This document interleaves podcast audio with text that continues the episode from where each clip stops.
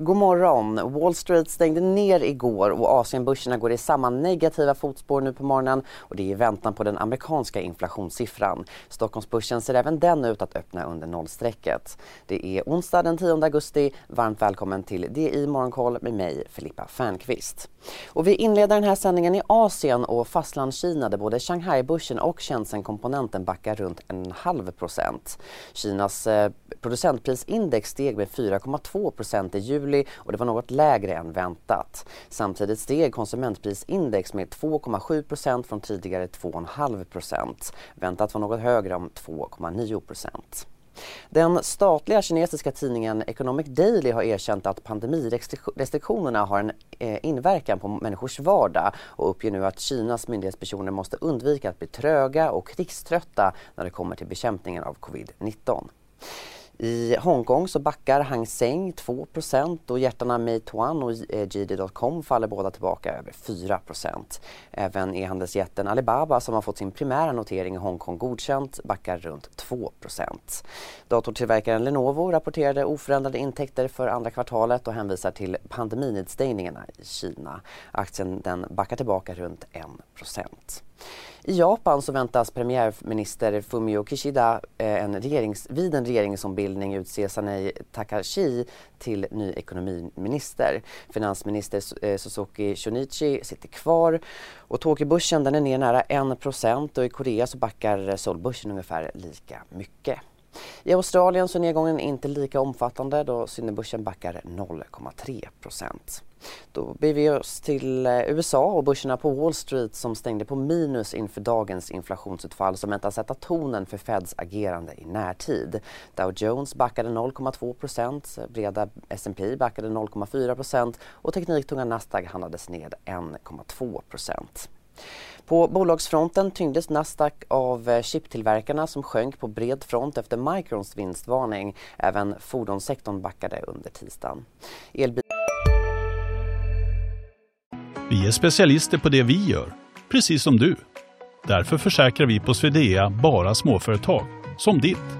För oss är små företag alltid större än stora och vår företagsförsäkring anpassar sig helt efter firmans förutsättningar. Gå in på swedea.se företag och jämför själv. Tillverkaren Teslas VD eh, Elon Musk har de senaste dagarna sålt aktier i bolaget för nästan 7 miljarder dollar och det är trots att han tidigare sagt att han inte vill sälja mer.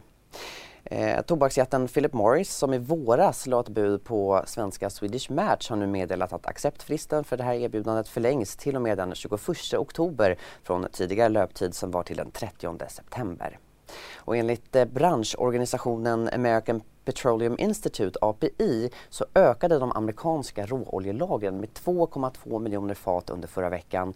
Bensinlagren minskade däremot med 0,6 miljoner fat och det är samtidigt som lagren av destillat ökade med 1,4 miljoner fat. Kan också tillägga det att ett fat Brent just nu handlas runt 96 dollar fatet. Eh, så till Sverige där Thunderfall har låtit meddela att Brian Sigurgeirsson avgår som VD från och med idag. Eh, bolagets tidigare finanschef Anders Majkvist tar över som interim VD tills en permanent efterträdare har tillträtt. Brian Sigurgeirsson stannar inom bolaget eh, och kommer tillträda en ny roll inom gamesegmentet. Här hemma har vi också tagit in en rapport nu på morgonen och det är från batteri, batteriladdleverantören CTEC som redovisar en högre omsättning men en blygsam försäljningstillväxt. Bolaget eh, redovisar ett rörelseresultat på 16,1 miljoner kronor för det andra kvartalet och mer om rapporten blir lite senare här i vår sändning.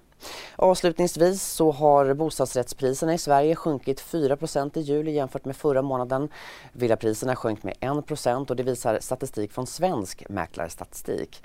Det senaste året så har eh, bostadsrättspriserna sjunkit 2% jämfört med en uppgång på 2% i juni. Samtidigt så har villapriserna stigit 1% och det är en nedgång från 6% förra månaden. Svensk eh, mäklarstatistik konstaterar även då att nedgången på bostadsmarknaden fortsätter eh, där bostadsrätter i Stockholmsområdet sticker ut med en nedgång på nästan 10% de senaste tre månaderna. Och med det sagt så avslutar vi onsdagens morgonkoll och vi är tillbaka med marknadsuppdateringen klockan 10 och klockan 13 och nyhetsflödet kan du som vanligt följa när du vill på di.se fram tills dess. Så länge tackar jag för mig. CSRD, ännu en förkortning som väcker känslor hos företagare. Men lugn, våra rådgivare här på PWC har koll på det som din verksamhet berörs av. Från hållbarhetslösningar och nya regelverk till affärsutveckling och ansvarsfulla AI-strategier. Välkommen till PWC. Hej, Synoptik här.